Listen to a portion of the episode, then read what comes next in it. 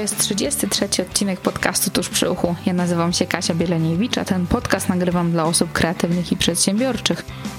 Jeżeli interesuje Cię rozwój zarówno w relacjach, jak i biznesie, zapraszam Cię do słuchania. Dzisiejszego odcinka zaprosiłam Katarzynę Szatyłowicz, która Wam za chwilkę powie, kim jest, co robi. Kasia jest młodą osobą, bardzo aktywną, zaangażowaną, ale też odpowiedzialną za to, co robi, gdzie mieszka, za swoje marzenia, za swoje plany i bardzo ją podziwiam za to, w jaki sposób podchodzi do swojego życia, do swojej pracy, do swoich zadań. I chciałabym, żeby każdy młody człowiek, każda osoba, która zaczyna edukację, zaczyna swoją pracę, miała podobne podejście do Kasi. Kasię zaprosiłam dlatego, że miałam okazję ją poznać, więc wiem, że jest świetną osobą do tego, żeby opowiedzieć, jak wygląda praca freelancera i jaki sposób organizować swoją pracę, w jaki sposób ona to robi w zgodzie, w zgodzie ze swoimi mocnymi stronami, w zgodzie swoimi potrzebami, z tym, co umie robić, swoim doświadczeniem. Pojawi się też kilka książek, aplikacji, miejsc w sieci, gdzie możecie znaleźć dodatkowe informacje, które mogą Wam pomóc właśnie, jeżeli, jeżeli, pracuje, jeżeli pracujecie zdalnie, jesteście freelancerami albo myślicie o tym. Zapraszam do tego odcinka. Miłego słuchania. Cześć, witajcie. Dzisiaj moim gościem jest Kasia Szatyłowicz. Cześć Kasia. Cześć. I z Kasią porozmawiamy o kilku tematach. Myślę, że one są bardzo ciekawe, szczególnie dla osób, które są zainteresowane pracą zdalną, taką niezależnością, dobieraniem tego, co rzeczywiście lubicie robić i jak, jak do tego wszystkiego dodamy jeszcze talenty, to myślę, że ta rozmowa będzie bardzo, bardzo, bardzo ciekawa. To zanim zaczniemy, to Kasiu, chciałabym, żebyś powiedziała nam, czym się zajmujesz, kim jesteś? Okej, okay, więc po pierwsze dzięki bardzo za zaproszenie. Bardzo się cieszę, że mogę się podzielić swoją wiedzą i doświadczeniami. Ja na co dzień czym się zajmuję? Jestem freelancerką, pracuję zdalnie, jestem wolnym strzelcem. Na co dzień też studiuję. We freelancingu zajmuję się głównie social mediami, czyli mediami społecznościowymi, ale też zajmuję się copywritingiem. Więc tak na co dzień sobie freelancinguję. I jogą jeszcze, bo o jodze nie powiedziałaś. A, oczywiście, tak, uczę jeszcze jogi, to tak troszkę, e, wiem, że będziemy rozmawiały głównie o pracy zdalnej, więc trochę tak zostawiłam jogę na później, ale uczę też jogi, tak. Mhm. I Kasia też nie mieszka w Polsce. To, to, to, co jest ciekawe też w jej historii, w jej życiu, myślę, że to też się pojawi, jest jakby otwartość na podróże, otwartość na zmianę miejsca. Miejsca mieszkania, miejsca tam, gdzie żyjesz, gdzie studiujesz. I może, może krótko jeszcze o tym powiesz. Dokładnie. Jakoś tak po liceum stwierdziłam, że może Polska to nie jest jedyne miejsce, w którym chciałabym mieszkać i studiować i miałam bardzo, bardzo długo marzyłam o tym, żeby wyjechać do Australii.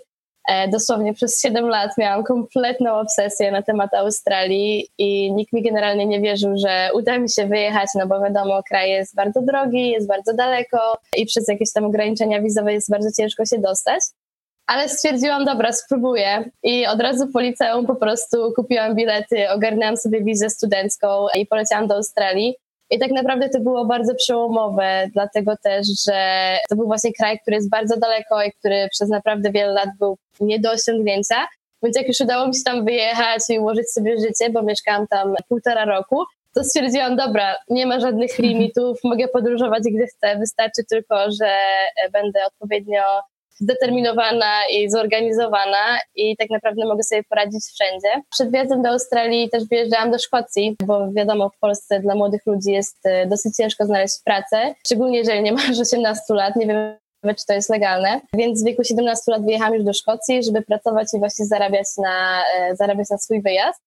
No i po Australii e, niestety skończyła mi się wiza mimo że chciałam zostać, ale stwierdziłam, dobra, może czas y, zacząć studia, bo wtedy miałam 18 e, albo 19 lat. To był taki mój gapier, czyli przerwa e, przed studiowaniem, bo też nie wiedziałam, co chciałabym studiować. I kupiłam bilet do Nepalu, bo moim kolejnym marzeniem było, było stanie się instruktorką jogi, bo praktykowałam jogę już ponad, e, ponad 3 lata.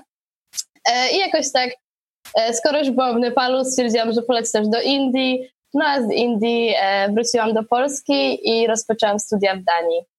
Więc w tym momencie mieszkam w Danii na stałe, ale teraz jestem w Polsce na wakacjach, więc super. Dzięki temu, że pracuję jako freelancer, wybieram się e, w ciągu miesiąca do Ameryki Południowej, też sobie zrobić mały backpacking po Kolumbii i po Peru. Więc mam nadzieję, że będzie fajnie. W tamtym roku nagrywałam trzy odcinki dotyczące pracy zdalnej i wiem, że to one się cieszyły dużym bardzo powodzeniem i wiem, że wiele osób szuka tych możliwości w pracy właśnie w ten sposób, dlatego że to jest bardzo wygodne. E, mamy rzeczywiście możliwość wykorzystać czy nawet stworzyć sobie zawód, który, którego na przykład nie ma, tak? Tak jak teraz są wirtualne mhm. asystentki, które kiedyś um, no nie, nie było takiego zawodu, tak? A dziewczyny sobie stworzyły go i on, on teraz istnieje. I też e, praca freelancera też często się wiąże z tym, że mm, my tworzymy sobie coś, odpowiadając na potrzebę, która się pojawia na rynku. A jak ty szukałaś mm, tego, czym się będziesz zajmować? Jak, skąd wiedziałaś, że to jest właśnie to? Czy testowałaś, czy to był jakiś przemyślany plan? Bo wiele osób młodych, e, ale nie tylko młodych, bo szuka swojej drogi, zastanawia się, co mógłbym robić, w jakim kierunku pójść, y, na czym zarabiać pieniądze. I to jest takie częste bardzo pytanie. A skąd ty wiedziałaś, co ty chciałabyś robić? Czy myślałaś o tym, czy po prostu robiłaś i sprawdzałaś w mhm. trakcie? To znaczy tutaj warto jest wspomnieć, że trzeba mieć odpowiednią intencję i trzeba na początku naprawdę sobie przemyśleć, czego ja oczywiście nie zrobiłam. Ja po prostu stwierdziłam, ok, chcę pracować zdalnie, bo wtedy było bardzo modne słowo digital nomad, tak, cyfrowy nomada. I ja po prostu wiedziałam, że będę chciała pracować w pracy, która daje mi wolność, tak? Czyli możliwość pracy z któregokolwiek miejsca na ziemi, o którejkolwiek godzinie chcę, e, na moich zasadach po prostu. Natomiast teraz wiem, trochę już patrząc na to wszystko z perspektywy, że samo to, że się chce, to nie znaczy, że wszystko będzie łatwe i nie znaczy, że się wszystko uda. I teraz patrząc też z perspektywy, chciałabym e, wcześniej zacząć patrzeć na to bardziej ze związku z moimi umiejętnościami, czyli spojrzeć na to, co lubię robić, jakie mam już e, umiejętności nabyte, gdzie one mogą się przydać, kto może ich potrzebować. Natomiast no, wtedy jak zaczynałam, to było bardziej po prostu taka chęć pracy zdalnej, no bo chciałam pracować zdalnie. Jak ja zaczęłam pracować? E, pierwszą moją jakby pracą zdalną była właśnie praca trochę takiej wirtualnej asystentki, Natomiast to było w Australii i to nie była praca dla klienta z zagranicy, tylko dla kogoś, kto też pracował w Australii. Natomiast dał mi możliwość pracy z domu. E, więc to było takie pierwsze już namiastka tego, co robię w tym momencie. Mhm. Potem jak wyjeżdżałam z Australii, napisałam maila do jednego też z podcasterów, dosyć e, popularny na polskiej scenie podcastowej, do Radka Budnickiego z Lepiej Teraz. I napisałam, że chciałabym robić mu transkrypty.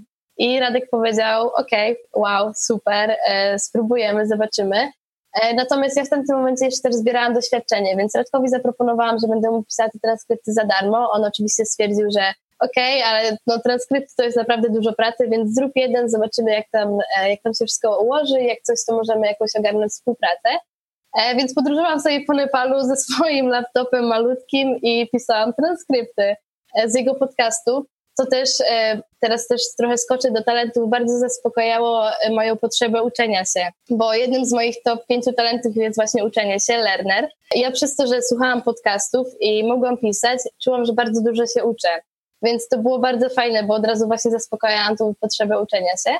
I po powrocie z Nepalu też zaczęłam pisać bloga na początku tamtego roku i stwierdziłam, ok, lubię pisać, może zacznę robić copywriting. Założyłam sobie konto na Upworku, to jest e, platforma dla freelancerów e, i stwierdziłam, ok, mam już jakieś teksty napisane, mam już teksty na blogu, e, napisałam kilka darmowych tekstów dla, dla jakichś tam klientów właśnie z Australii, dla ludzi, z którymi miałam kontakt i jakoś tak się to wszystko potoczyło. Natomiast e, w pewnym momencie pisałam też e, teksty e, związane z jogą, co też się bardzo fajnie łączyło z moimi zainteresowaniami. Ale doszłam do momentu, w którym miałam bardzo dużo zleceń, i tutaj znowu skoczę do jednego z moich talentów, czyli aktywator. Miałam tendencję do tego, że nie potrafiłam dobrze ocenić czasu, który bym poświęcała na te zlecenia zaczęłam dostawać bardzo dużo zleceń na bardzo dużo tekstów i to było bardzo często teksty, za które miałam bardzo wysoką stawkę, natomiast to nie, było, nie były interesujące tematy, więc ja czułam, że się po prostu wypalam, bo piszę na tematy, które mnie nie interesują, muszę spędzać duży czas na research tych tematów. I w tamtym momencie, to było właściwie ze trzy miesiące temu, po sześciu czy siedmiu miesiącach bycia copywriterem, właśnie trafiłam do ciebie, Kasiu, gdzie zaczęłyśmy mm, pracować nad rozwojem moich talentów, pewnie jeszcze o tym trochę wspomnimy. I ja też w tamtym momencie stwierdziłam, że może w tym momencie odstawiam trochę copywriting na bok, dlatego że zaczęłam się trochę wypalać i ruszyłam do trochę bardziej odpowiadających moim talentom i moim potrzebom zadaniom. i w tym momencie zajmowałam się strategiami na social media, czyli też bardzo fajnie wypełniało mi to moją potrzebę mhm. futuristic, też pewnie jeszcze o tym wspomnimy, czyli planowania różnych strategii i zaczęłam pracować z indywidualnymi klientami, pomagając im rozwijać ich profile społecznościowe. A w tym momencie pracuję dla firmy związanej z pozycjonowaniem stron i właściwie w tym momencie łączą mi się wszystkie rzeczy, całe moje doświadczenie, bo zarówno robię copywriting, E, zajmuję się profilami społecznościowymi i jeszcze kilka innych rzeczy związanych już z, z SEO i z pozycjonowaniem. I bardzo to lubię, więc jest super. Super, czyli tak naprawdę intuicyjnie trochę wybierałaś rzeczy, które Ciebie interesują i też dałaś sobie, dawałaś sobie taką przestrzeń, tak jak słyszę, na to, żeby się uczyć, mm, Dokładnie. żeby zdobywać nowe doświadczenia, ale bez, takiej, e, bez takiego lęku, bo Myślę, że może twoje pokolenie ma trochę fajnie, bo macie mniej ograniczeń. Urodzi, urodziłaś się już, jak internet istniał, prawda? Jak już wszystko było to dostępne. Tak. E, I, I też często, wiesz, często dla wielu osób, tak jak ja obserwuję i też czasami rozmawiam, wiele osób ma ten problem, że musi strasznie dużo rzeczy umieć, mieć najlepiej dyplomy, kursy, mnóstwo wiedzy, zanim w ogóle cokolwiek zrobi. A też trochę, mm, może dlatego, że ty masz aktywatora, tak? To taki talent, który po prostu popycha ciebie do działania, do robienia różnych rzeczy, ale myśląc też o innych osobach, że czasami szkoda tracić czas na naukę czegoś, co potem stwierdzimy, że no, to nie jest to, tak? I mhm. przetestowanie, zobaczenie nawet tak jak wspominałeś za darmo, czyli na zasadzie wolontariatu, przetest takiego trochę stażu, tak? Praktyk, mhm. czy to w ogóle nam odpowiada, czy nie.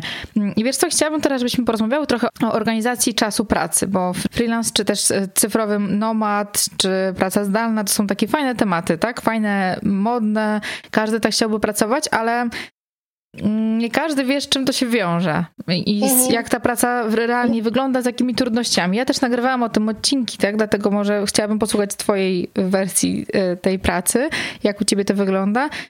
Bo gdy pracujemy na etacie, czy też u kogoś, ktoś nam organizuje tę przestrzeń pracy, czy też przestrzeń mhm. biurową, czy e, zadania, czy nawet organizację, sprawdzanie, monitoring tego, jak ta praca wygląda. A jak pracujemy sami, no to to jest zupełnie inny typ pracy i też nie dla każdego on jest odpowiedni i też nie, nie każdy sobie z nim tak radzi, albo też długo musi się uczyć takiego swojego systemu pracy. Jak ty, taki, mhm. jak ty dochodziłaś do tego, jak pracować, mm, jak ty dochodziłaś do tego systemu pracy własnego, tak, mhm. żeby on był rzeczywiście mógł u ciebie działać?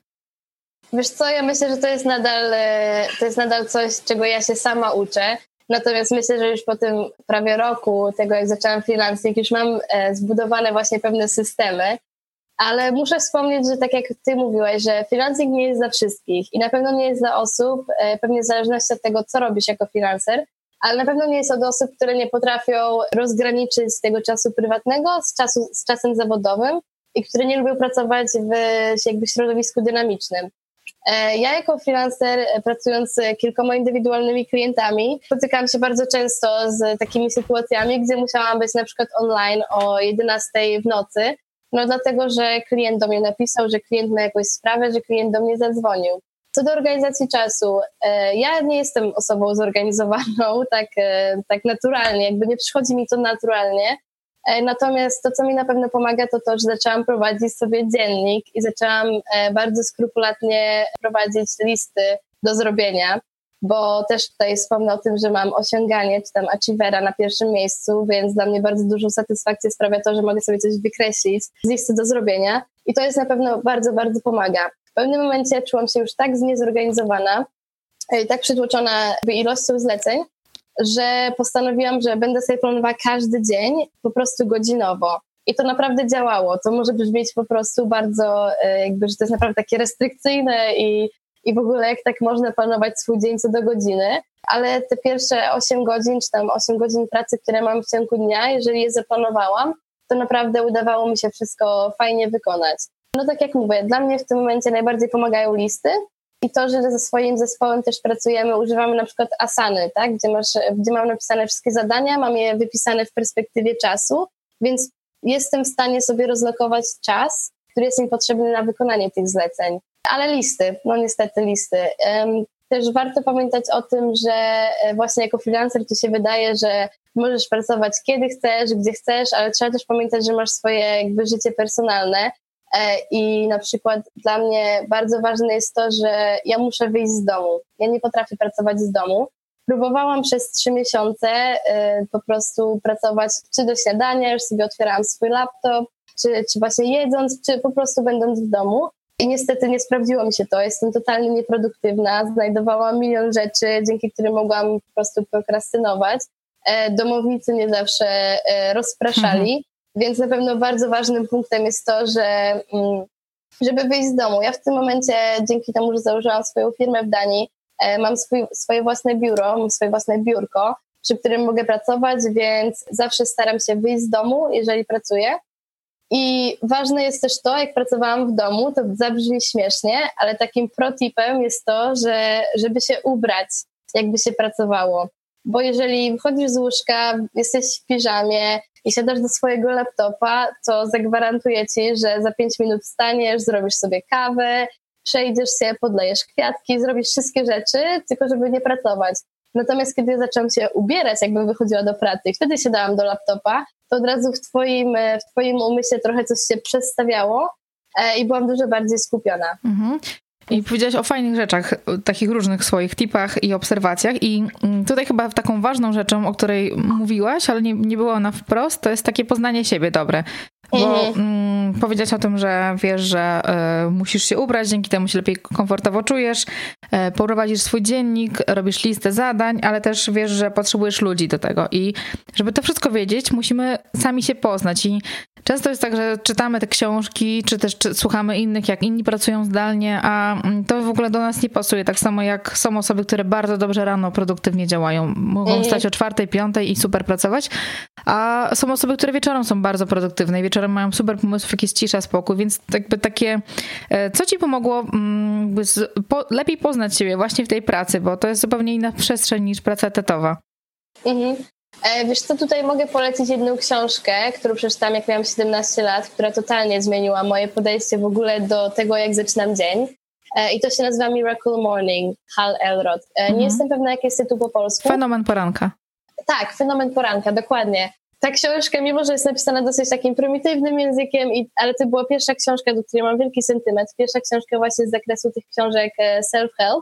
I ona naprawdę, jej jakby koncept właśnie wykonywanie poszczególnych czynności, o których Hal pisze w swojej książce, naprawdę pomogły mi jakby ustalić, jak chcę zaczynać swój dzień, jaki chcę mieć e, rytm swojego dnia. Mhm. Bo tak jak wspomniałam, dla mnie bardzo ważne jest to, żeby e, czuć, że coś osiągam każdego dnia.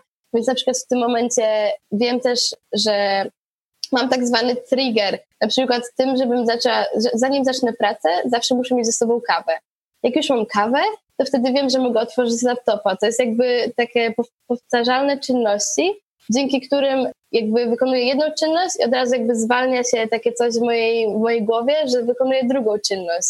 I ta książka była super. Na pewno to, co mi teraz pomaga, to jest to też, e, że chodzę bardzo wcześnie na siłownię. Też zawsze myślałam, że nie jestem osobą, która może robić rzeczy rano, E, ale stwierdziłam, że przez to, że ja lubię osiągać i zawsze czuć, że już coś zrobiłam, że już mam jakąś część dnia za sobą i ona była produktywna, bo ja strasznie nie lubię swojej nieproduktywności i swojej prokrastynacji, ale też nie lubię innych e, osób prokrastynacji i nieproduktywności, więc dla mnie jest właśnie bardzo ważne to słowo takie modne produktywność. Mhm. I właśnie siłownia rano i medytacja i pisanie. To są takie trzy czynności, dzięki którym kiedy wiem, że już mam je wykonane, to wtedy mogę zacząć swój dzień i już czuję, że już coś mam jakby osiągnięte i mogę ruszyć dalej. Więc bardzo polecam w ogóle książkę. Mhm. I jeszcze wcześniej wspominałaś o dwóch takich tematach, dwóch rzeczach. Jedna to jest dziennik, a druga mhm. to są ludzie. I mm, też do nich chciałabym wrócić. Zaczę, zaczęłabym chyba od ludzi, bo um, ja też mam dużo wśród w swoim kręgu osób, które um, są bardzo towarzyskie, świetnie sobie radzą w kontaktach z ludźmi, potrzebują ludzi i też kontakt z ludźmi daje im, dodaje im energii.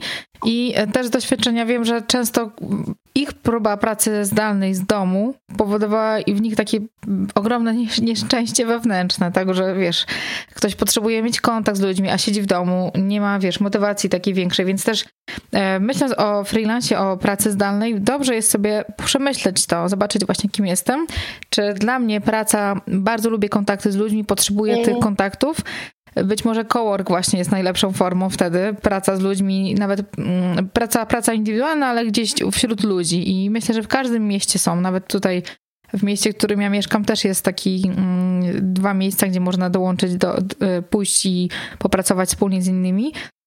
A druga rzecz to zapewnienie sobie takiego środowiska, bo my też o tym trochę rozmawiałyśmy wcześniej, że nawet jeżeli pracujemy zdalnie w domu, czy też mamy swoje biuro, to dobrze mieć takie środowisko wspierające ludzi przedsiębiorczych albo ludzi podobnych do nas, którzy też osiągają, którzy też tak jak ty są nastawieni na pracę, są produktywni, którzy ciebie do przodu ciągną dodatkowo.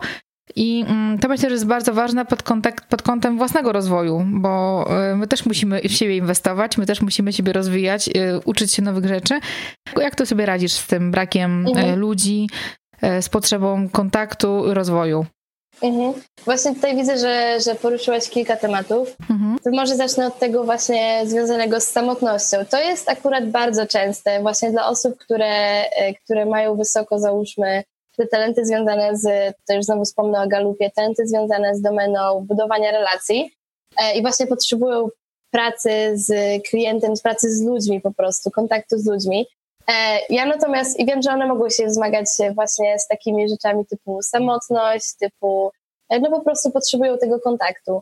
Natomiast ja jestem osobą bardzo komunikatywną i bardzo kontaktową, ale moje te talenty związane właśnie z domeną budowania relacji są poza pierwszą dziesiątką.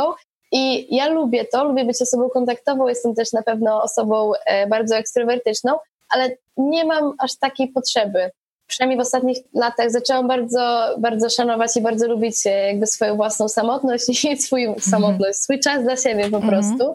Więc ja z tym nie mam problemu. Natomiast tutaj wspomniałaś też bardzo ważne na temat mojego rozwoju. Właśnie jedną z, jednym z aspektów e, mojej pracy z indywidualnymi klientami było to, że ja byłam sama pozostawiona sobie. To ja byłam e, w tej roli eksperta, a oni byli w tej roli klienta, któremu ja muszę pomóc i któremu ja muszę jakby przekazać swoją wiedzę.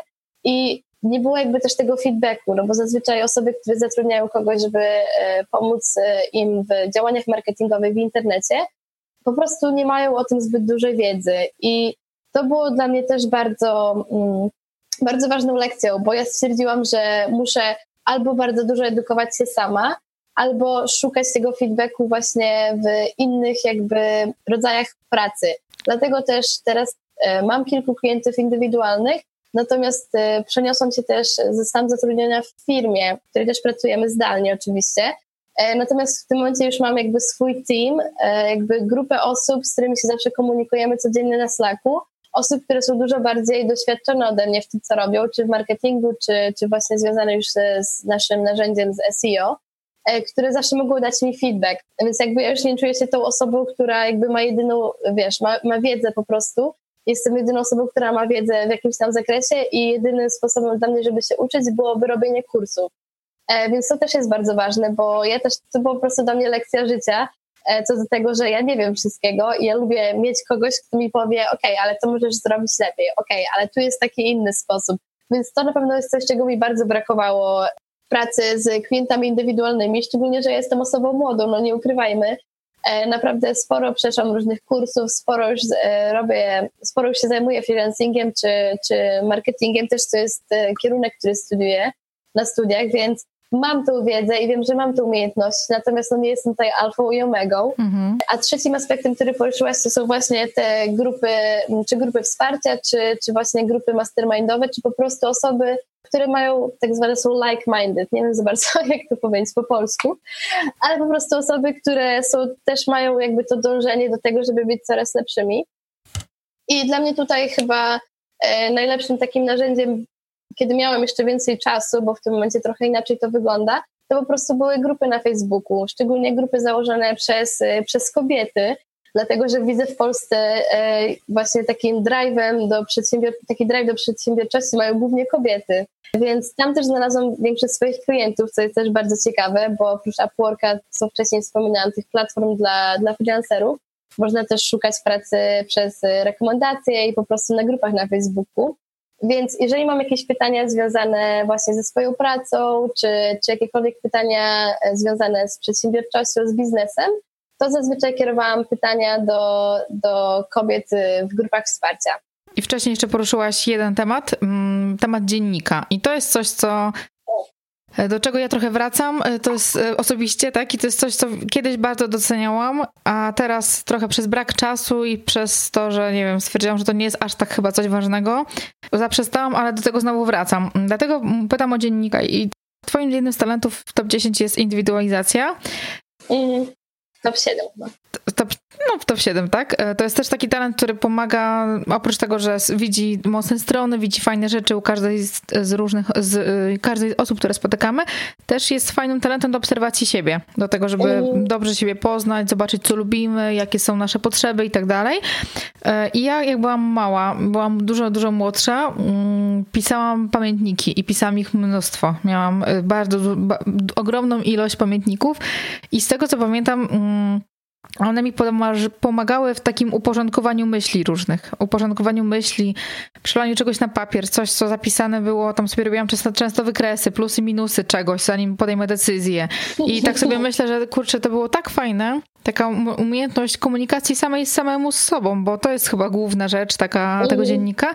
A takim aspektem, który ja teraz widzę, takim bardzo pożytecznym jest jak robię podsumowanie roku, czy też kwartału, czy miesiąca, to można do tego wrócić i nawet y, pomyśla, przemyślanie struktury teraz tego dziennika, który nam, ma nam pomagać, czy to ma być dziennik, w którym zapisuję najważniejsze wydarzenia, albo jakieś takie mini sukcesy, albo obserwacje, albo rzeczy, które dla mnie były ważne.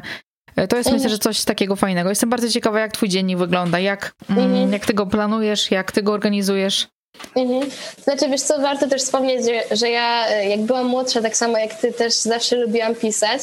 Natomiast u mnie to było trochę w inny sposób, bo ja zawsze nigdy nie miałam wystarczająco dużo de determinacji, żeby pisać go codziennie. Jak go przestawałam pisać codziennie, to się z tym strasznie zaczułam i przestawałam go pisać w ogóle. Miałam taki bardzo, e, nie wiem, taki, e, jak to się samą krytykę związaną z tym pisaniem. Dlatego przez ostatnie lata, załóżmy liceum gimnazjum, już w ogóle nie pisałam e, nic. Ale do pisania wróciłam chyba właśnie w ostatniej klasie liceum i na pewno też w Australii. I w tym momencie mój dziennik, tutaj też go mam obok siebie, tak naprawdę spełnia bardzo dużo rol. To nie jest tak, że tylko zapisuję swoje plany, to nie jest tak że tylko zapisuję swoje listy. Dla mnie główną rolą, jaką spełnia dziennik, jest to, że wszystkie myśli, które mam tutaj, po prostu przelewam na papier. Bo ja jestem osobą, ja mam bardzo dużo myśli one są bardzo chaotyczne. Ja nie będę ukrywać, jestem osobą dosyć chaotyczną, i też to, że mam ideation i to, że mam aktywatora i mam bardzo dużo pomysłów. Jakby bardzo dużo rzeczy się dzieje i ja bardzo szybko reaguję do wszystkiego, do różnych, e, do różnych sytuacji i do różnych, e, jak to się mówi, circumstances, warunków. E, I w tym momencie mój dziennik to jest naprawdę taki trochę miszmasz i tak naprawdę to jest właśnie coś, co sprawia, że jest super, po prostu jest tak bardzo, bardzo personalny na pewno. Robię listy do, rzeczy do zrobienia bardzo często. Zaczęłam też robić e, planowanie 12-tygodniowe i to też robię w tym dzienniku, czyli e, moje cele na 12 tygodni. Właśnie dwa tygodnie temu skończyły mi się, e, skończył mi się ten pierwszy cykl planowania 12-tygodniowego, więc zapisywałam też rzeczy do zrobienia właśnie w perspektywie ale też mam, przez to, że mam e, futuristic, wizjonera na drugim miejscu, e, to mój dziennik jest też e, miejscem, w którym ja zapisuję swoje takie plany naprawdę długoterminowe, albo po prostu marzenia. To jest zazwyczaj w formie mapy myśli i po prostu zawsze sobie przeglądam tak do tyłu, załóżmy trzy miesiące wcześniej, mhm. to jestem chociaż trochę bliżej do tego, co sobie zapisałam te trzy miesiące temu. Co więcej, oczywiście piszę sobie wszystkie myśli, bo tak jak mówisz, individualization jest takim bardzo talentem, który pozwala ci na taką introspekcję. Więc ja też w ostatnich latach, też przez to, że, że medytuję, że, że podróżuję dużo, zaczęłam trochę bardziej właśnie skłaniać się tu stronę introspekcji, więc też po prostu zapisuję swoje myśli, jakoś analizuję wydarzenia, sytuacje z danego dnia, w ogóle piszę codziennie. Bardzo źle się czuję, jeżeli nie piszę codziennie. Nie dlatego już, tak jak e, wtedy, kiedy byłam dzieckiem, że mam samą krytykę, ale dlatego, że po prostu mam taką potrzebę e, zapisania tego wszystkiego i przynania na papier. Również ze względu na to, e, że jako aktywator, na przykład w związku z moją pracą, mam bardzo dużo zleceń i mam bardzo dużo rzeczy do zrobienia i po prostu muszę sobie to wszystko uporządkować na papierze, żeby o tym nie myśleć. Więc tak naprawdę w tym momencie służy to do wszystkiego. Również do afirmacji, bo też e, właśnie, tak jak wspomniałam, dzięki książce Hal Roda jakieś tam 4 lata temu, którą przeczytałam, zaczęłam pisać afirmacje, które naprawdę w magiczny sposób mi się zawsze spełniają, oczywiście z dodatkiem ciężkiej pracy i determinacji, ale naprawdę działają, więc wszystko. To jest bardzo duży, bardzo duży miszmasz i jest też, tak jak ty wspomniałaś, dla ciebie takim trochę podsumowaniem właśnie czy kwartału, czy roku, możesz sobie zawsze przejrzeć, wiesz, jakie miałaś cele na początku, jakie, co ci się udało osiągnąć. To dla mnie to jest tak samo. Ja widzę też bardzo często, szczególnie w okresie trzech miesięcy, jak mi się zmieniają moje schematy zachowań, czy moje schematy myślenia. I to jest naprawdę zarówno fajne i na płaszczyźnie życia zawodowego, i na płaszczyźnie życia jakby personalnego. Więc bardzo tak misz-masz po prostu. Ja też tobie i słuchaczom pokażę to, co ja używam. Ja mam taki planer od Agnieszki Zapory, planerka. On jest fajny, bo ma autorski, fajny autorski podział. Ma plany kwartalne, półroczne, miesięczne, tygodniowe. E, dużo miejsca na notatki, na plany na cały 2017, 18, 19 rok. Mm. Ma właśnie rozpisane cele, trochę na takiej zasadzie e, habit trackera, tak, że sobie zaznaczasz, odhaczasz, co masz zrobione. Oprócz tego są właśnie plany miesięczne całe, tak, tygodniowe i potem są dzienne, więc jest bardzo dużo. Ja miałam wcześniej problem z planerami, bo dla mnie były niefunkcjonalne te wcześniejsze. Potem było za mało mhm, miejsca na mhm. notatki, a tutaj jest rzeczywiście fajnie to zrobione. Więc ja używam tego właśnie planera. Jestem z niego bardzo zadowolona. Mm, myśląc jeszcze o tym, o czym trochę rozmawiamy dzisiaj, o organizacji pracy, to też na pewno masz jakieś książki, kursy, aplikacje, metody, które ci pomagały to wyznaczyć. Czy możesz o tym troszeczkę powiedzieć? Mhm. To ja generalnie, tak jak mówię, mam uczenie się bardzo wysoko w top top 5, więc dla mnie robienie wszelkich kursów i czytanie książek to jest po prostu codzienność. Mhm. Ale na pewno masz takie, które przeczytałaś, które wcale nie były ciekawe, a masz takie, które rzeczywiście pomogły ci, bo książek jest mnóstwo, kursów tak. też jest mnóstwo, a nie wszystkie są skuteczne. Mhm. E, wiesz co, to jeżeli chodzi o książki, może zacznę od tego, to e, jest książka Agnieszki Skupieńskiej, Jak zarabiać na pisaniu którą ja przeczytałam jeszcze zanim zaczęłam robić copywriting. Jak jeszcze byłam w Australii, jeszcze w ogóle nie wiedziałam, że będę zarabiać na pisaniu. W tamtym momencie to chyba była jedyna w ogóle książka w Polsce, która y, dotycząca w ogóle freelancingu czy, czy copywritingu. Więc to na pewno mogę polecić, bo myślę, że to, co Agnieszka napisała, jest dosyć uniwersalne właśnie w pracy freelancera. Ona napisała na temat organizacji pracy, szukania zleceń, ja głównie robiłam kursy. Ja mam dostęp do platformy LinkedIna. Słuchacze kojarzą LinkedIna i to jest y, platforma e-learningowa, nazywa się Lynda, właśnie połączona z LinkedInem, na którym ja robiłam bardzo dużo kursów. Wiesz co, już nie będę tutaj wymieniać, bo robiłam ich z, zarówno z Google AdWords i z Facebooka, z Facebook Ads, e, ale bardzo polecam w ogóle sprawdzenie tej platformy, bo tam są kursy z zakresu wszystkiego, od IT po marketing, po biznes, po księgowość, wszystko. I fajne, co, co jest fajne na temat tej platformy, lynda.com, e, jest to, że po zakończeniu tych kursów dostajesz certyfikat, który możesz sobie wstawić w swoim profilu na LinkedInie.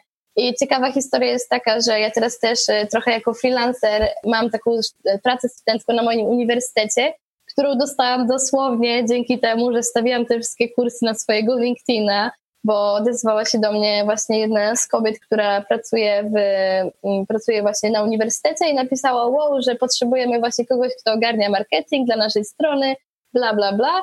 I właśnie to dzięki temu, więc Lendę mogę bardzo polecić. Co do apek, ja używam Asany, to do tego, to co już wspomniałam, do tego, mhm. żeby ustalić swoje zadania.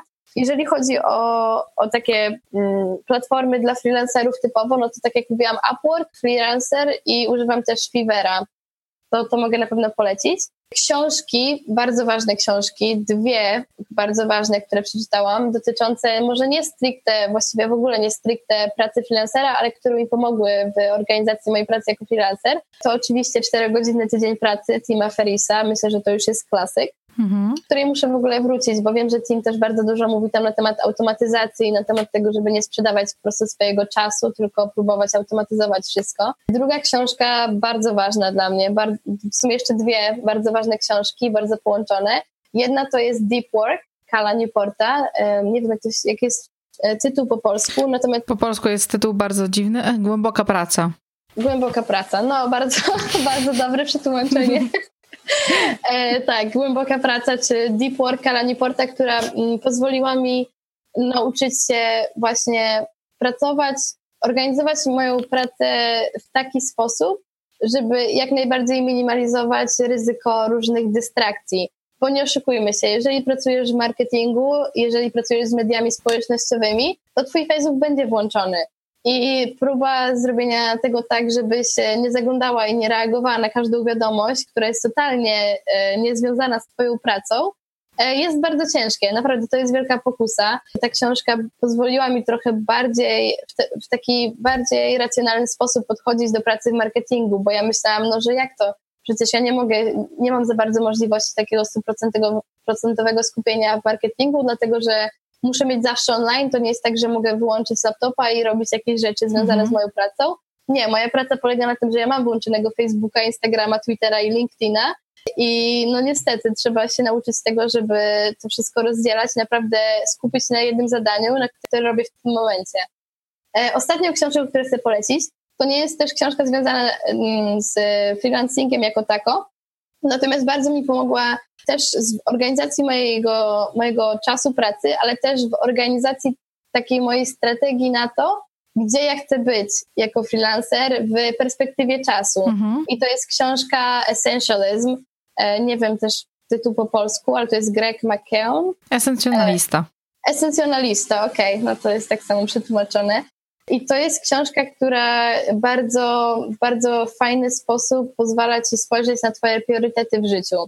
E, I też tutaj warto wspomnieć, jako że mówimy też o talentach, że osoby, które mają aktywatora, tutaj ja, i które mają aktywatora, który jest niedojrzały, znowu ja, to niestety bardzo często zmagają się właśnie z tym problemem skakania z projektu na projekt, z zaczynania 50 rzeczy, na które kompletnie nie mają czasu, i nigdy nie doprowadzaniu ich do końca, chociaż u mnie tutaj też osiąganie na pierwszym miejscu i taka moja duma nie pozwala mi nie, nie osiągnąć tego, jakby nie dociągnąć projektu do końca, ale niestety to jest często przy bardzo dużym wysiłku i kosztem, kosztem mojego zdrowia i mojego czasu prywatnego. E, natomiast, tak jak mówię, ta książka jest bardzo przydatna dla osób z aktywatorem i szczególnie przydatna dla osób z aktywatorem, które freelancują, bo to jest też takie trochę ostrzeżenie właśnie przed tym, żeby nie brać zbyt dużo na siebie, żeby naprawdę umieć wybrać swoje priorytety i dążyć do tego, żeby je cały czas rozwijać, zamiast 10 e, projektów, które nie przynoszą rezultatów, nie? Więc to są takie moje polecenia. Super. Wiele z nich już myślę, że słuchacze też mogą znać, bo są dosyć mhm. popularne w Polsce, ale e, dobrze do tego wrócić i dobrze jakby nawet sobie odświeżyć dla lektury, tak zawsze, jeżeli ten temat was interesuje. Mhm. Powiedziałaś jeszcze o kilku rzeczach wcześniej. Pierwsze to o takiej trudnej sztuce mówienia nie i wybierania, robienia takiej selekcji czegoś, co albo przynosi nam najwięcej pieniędzy, albo najwięcej satysfakcji, albo jest zgodne z tym, co lubimy robić. I wiem, że też u ciebie e, też robiłaś taką selekcję, bo wiem, że wiele mhm. z naszych, nawet podczas naszej pracy e, robiłaś taką mini selekcję i wybierałaś, odrzucałaś to, co już, to, co tobie nie służy, a to, co też nie daje ci takiego fanu i takiej energii, nie jest zgodne z tym całym dłuższym planem, bo tak jak wspomniałaś wcześniej, dobrze jest robić różne rzeczy, zobaczyć, w których tych obszarach ja się dobrze czuję, e, co mi dobrze wychodzi, e, za co też dostaję największe wynagrodzenie, albo za co jest dla mnie najbardziej opłacalne, co mogę zautomatyzować. I często My tego nie widzimy na początku, ale często wiele tych rzeczy, tematów, którymi się zajmujemy, łączy się z sobą i jest, mm. można połączyć wiele z nich, nie? I to nie jest tak, że ten temat się nie łączy z tym. I sama powiedziałeś, że te doświadczenia różne, które miałaś, spowodowały te, to, że w tej pracy, w której teraz jesteś, możesz się spełniać i to nie jest e, tak. jeden, jeden temat, tylko wiele obszarów w jednej, w jednej pracy się właśnie zawiera. Dokładnie.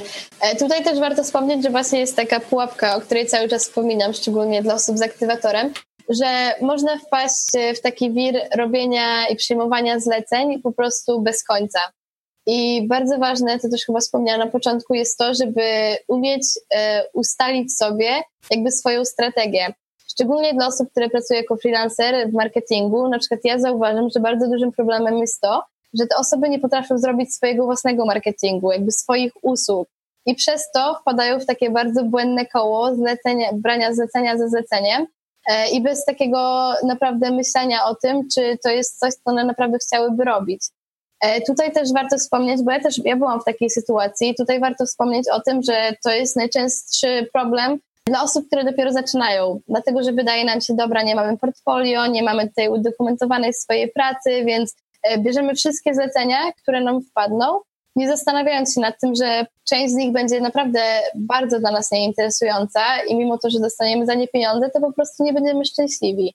I ja właśnie przez to, że robiłam copywriting i zaczęłam robić copywriting dla osób i dla, dla klientów, który był kompletnie dla mnie nieinteresujący, no wypaliłam się i przez to, że się wypaliłam, na przykład przestałam pisać swojego bloga. Więc dla mnie to też była bardzo, bardzo duża lekcja życia. Trzeba też wyjść z takiego założenia, że to nie jest tak, że twój klient musi znaleźć ciebie. Warto też pamiętać o tym, że ty jako freelancer też masz prawo i nawet powinieneś wybierać swoich klientów, wybierać osoby, z którymi chcesz pracować i mówić nie do projektów i do klientów, którzy po prostu nie, nie, nie odpowiadają ci. I to jest mega ciężkie. To jest bardzo ciężkie, bo wydaje ci się, szczególnie na początku, że skoro będziesz mówić nie, skoro będziesz nie brać projektów i zleceń, które dostajesz, że nie uda ci się mm, znaleźć odpowiedniej ilości projektów czy odpowiedniej ilości zleceń, żeby z tego wyżyć, tak? Więc na początku, no ważne jest po prostu ustalenie swojej strategii, dla kogo chcesz pracować, e, z kim chcesz pracować, no i nauczyć się po prostu mówić nie, po to, żeby mieć tą przestrzeń, żeby zastanowić się, gdzie chcesz dalej iść, jak chcesz, żeby to dalej wyglądało i co tak naprawdę chcesz robić. Mhm. Ja sobie zawsze robię, staram się robić taki właśnie przegląd też moich klientów i moich projektów i po prostu zastanawiam się, czy to jest coś, co chcę robić przez następny miesiąc, trzy miesiące, sześć miesięcy.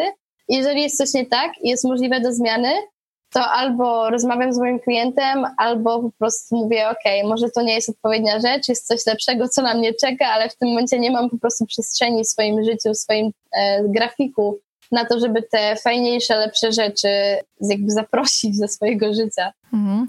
Bo też powiedziałaś bardzo ważną rzecz, że czasami, mm, mm, kiedy zaczynałam dopiero z podcastem, miałam wrażenie, że są rzeczy, które przychodzą i trzeba wszystko z tych rzeczy brać, bo to jest okazja, fajna rzecz, a mhm. po dłuższym czasie niektóre z tych projektów, które mm, jakby były w trakcie, w trakcie stwierdzałam, że kurczę, to wcale nie była taka super rzecz i mm, coś innego się pojawia, co jest jeszcze fajniejsze, a ja po prostu nie mam takiej przestrzeni czasowej na to, bo już wzięłam jakieś rzeczy i też myślę, że e, praca freelancera, który trochę, mm, to nie jest do końca taka pewna, stabilna praca, mhm. chyba, że się jest na kontrakcie, taki mamy zapewnioną stałą pracę u kogoś, e, to jest taka praca, w której sami musimy zadbać o to, ile zarabiamy, jak pracujemy i umiejętność takiego mm, blokowania czasu, blokowania godzin, to o czym mówiłaś wcześniej, na zadania, które mamy do wykonania w przestrzeni miesiąca, tygodnia, czasu całego, to jest myślę, że coś, to jest taka trudna sztuka, ale to, to nie jest coś, co można od razu tak zrobić po pstryknięciu, -hmm. tylko tego też się uczymy. I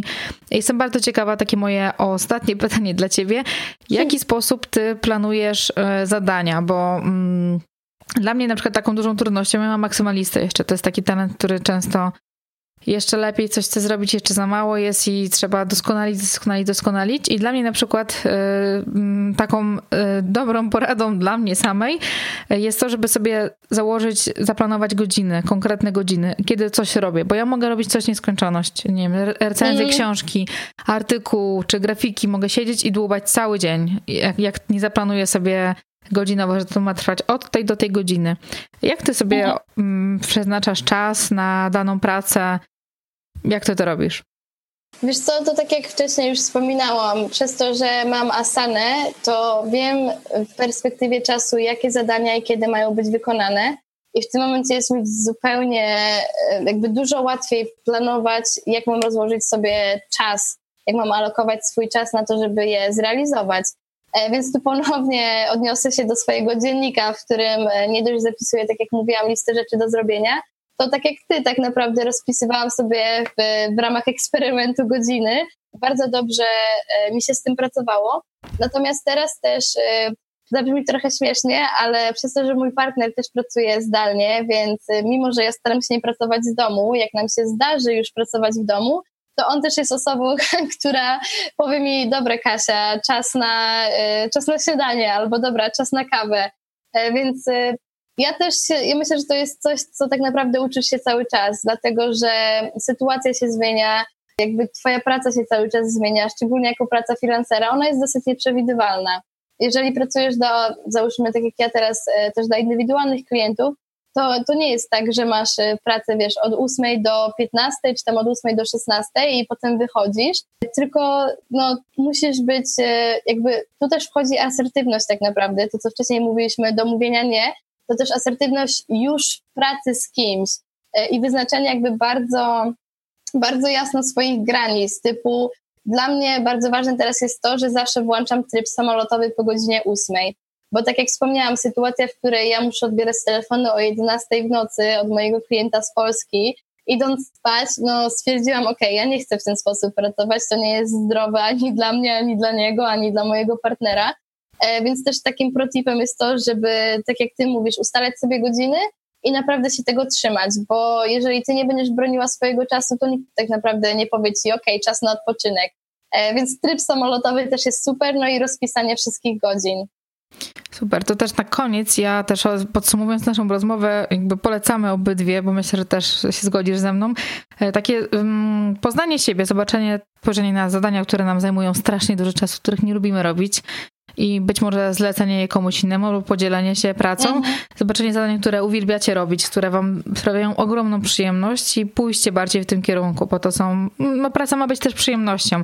Zobaczenie, jakie macie wartości, jakie potrzeby, tak, tak jak ty powiedziałaś Kasia, czy lubicie siedzieć wieczorem mm, późno, e, czy lubicie pracować rano, co jest dla was ważne, czy priorytetem jest e, rodzina, mm, związek i wieczorami chcecie mieć spokój, spokój i komfort, czy też jakby na razie skupiacie się na pracy to jest dla was najważniejsze i nie ma różnicy, czy pracujecie wieczorem, w nocy, bo też jest taki okres, że można w taki sposób pracować i to też jest ok. Kasiu, bardzo Ci dziękuję za rozmowę. Mm, jeszcze na koniec chciałabym, żebyś powiedziała naszym słuchaczom, gdzie możemy Ciebie znaleźć, gdzie Ciebie szukać, gdzie można Ciebie znaleźć i zapytać o coś dodatkowo. Okej, okay, dziękuję jeszcze raz bardzo za zaproszenie, bardzo mi się miło rozmawiało. I w ogóle się bardzo cieszę, że robisz podcast i trochę szerzysz wiedzę na temat, y, tak jak mówisz, poznawania siebie czy, czy pracy ze swoimi talentami, bo myślę, że to jest mega ważne w związku z tym, żeby ludzie znajdowali zajęcia, które lubią robić, byli szczęśliwsi w swojej pracy. Natomiast gdzie można mnie znaleźć? No piszę bloga, który w tym momencie jest trochę umarły, ale mam, mam zamiar do tego wrócić. Blog się nazywa Coffee Yoga Dreams, ale jestem dużo bardziej aktywna na swoim Instagramie, też związanym z jogą, bo tak jak wspomniałyśmy, też praktykuję i uczę jogi. Tam jestem tak naprawdę hyperaktywna, bo bardzo rozwijam swojego Instagrama. I piszcie do mnie na Facebooku, jeżeli macie jakieś pytania związane z freelancingiem, czy właśnie pracą zdalną i podróżami, więc zapraszam. Super. Jeżeli macie ochotę Kasię też na żywo, na żywo, zobaczyć, czy też być może mieszkacie w Danii, to też zapraszamy tam, tak, żeby tak, Kasię tak. łapać, myślę, że na kawę spokojnie się umówi. Super. Ja, e, wszystkie notatki, linki, o których dzisiaj rozmawialiśmy, wszystko znajdziecie w notatkach do tego podcastu. I ja od razu takie małe ogłoszenie. Zrobiłam taką migrację od maja. Teraz zapraszam na katarzynabielenewicz.pl. Tam wszystko, tam będzie całe moje, e, tam jest już całe moje biuro dowodzenia, tam wszystko znajdziecie. Więc tam zapraszam. Fajnie. Dziękuję Ci, Kasiu, jeszcze raz. Dobrego dnia słonecznego i e, dobrego powrotu do, do domu, do siebie. Dzięki bardzo. Buźka. Rozmowa z Kasią za nami. Zapraszam Was oczywiście do notatek do tego podcastu. Tam też pojawią się wszystkie rzeczy, o których dzisiaj rozmawialiśmy, książki, aplikacje, miejsca w sieci. Jeżeli macie jakieś pytania albo też chcecie się podzielić swoim doświadczeniem, tym jak wygląda wasza praca zdalna, jak wy pracujecie, to zapraszam do kontaktu na katarzynamałpabiereniewicz.com. Tam też możecie do mnie pisać albo też podzielić się swoim doświadczeniem, jak ta praca u was wygląda, czy coś jest takiego, co, co wam pomaga, coś o czym być może ja nie wiem. Ja zawsze też lubię się uczyć nowych rzeczy, więc bardzo jestem, bardzo jestem ciekawa, jak to wygląda u Was. Dziękuję bardzo za ten czas, który spędzamy razem, za zaufanie, którym mi obdarzacie i to, że ten kawałek czasu z waszego życia, który jest bardzo cenny, akurat spędza, spędzacie w ten sposób razem ze mną. Dziękuję wam za to bardzo serdecznie. Do usłyszenia następnym razem. Cześć!